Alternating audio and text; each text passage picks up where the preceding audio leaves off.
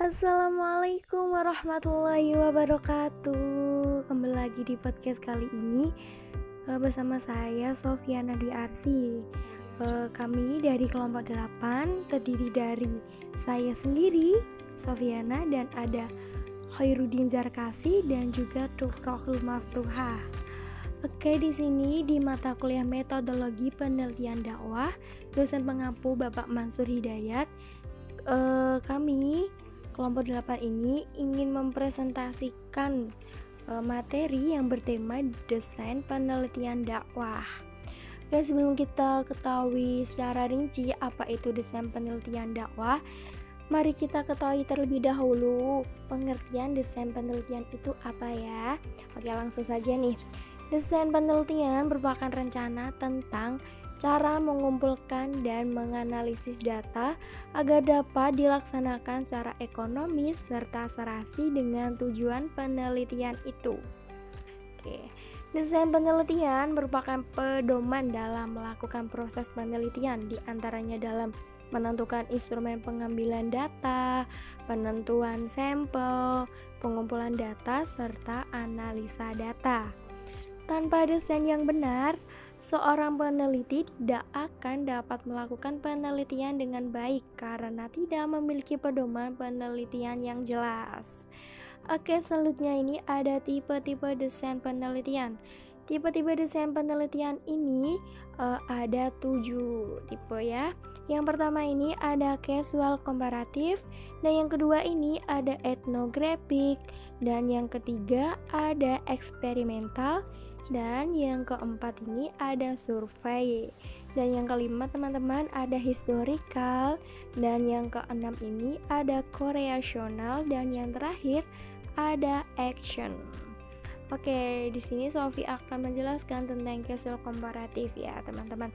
Casual comparative research disebut juga dengan penelitian sebab akibat penelitian casual bisa dimasukkan dalam penelitian eksperimen dan bentuk lain, misalnya dalam bentuk komparatif riset.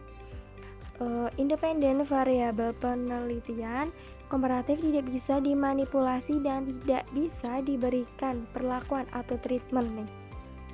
Dan penelitian komparatif lebih terfokus pada dampak yang terjadi dengan mencari penyebab dari dampak tersebut dan melihat perbedaan yang tidak di yang terjadi di antara dua grup atau lebih, serta penjelasan terhadap perbedaan di antara kedua kelompok atau grup. Misalnya, kenapa perusahaan IT multinasional lebih inovatif daripada perusahaan IT lokal? Yang kedua, etnografik. Penelitian etnografik adalah penelitian yang memfokuskan diri pada budaya, dari sekelompok orang Umumnya, penelitian etnografik itu meneliti tentang budaya secara umum. Penelitian etnografik hampir sama dengan action research, tetapi penelitian ini itu lebih terfokus pada organisasi yang mendefinisikan group of people. Nah, misalnya apa? Yaitu kajian tentang pembagian irigasi di Bali atau Subak. Nah, di sana masyarakatnya itu berkumpul untuk pembagian air ke sawah. Yang ketiga, eksperimental yaitu sebuah desain yang memungkinkan peneliti untuk mempertahankan kontrol atas semua faktor. Dalam melakukan hal ini, peneliti menentukan atau memprediksi apa yang mungkin terjadi.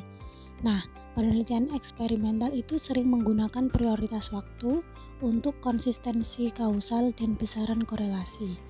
Yang keempat, survei, yaitu termasuk ke dalam penelitian kuantitatif untuk meneliti perilaku suatu individu atau kelompok.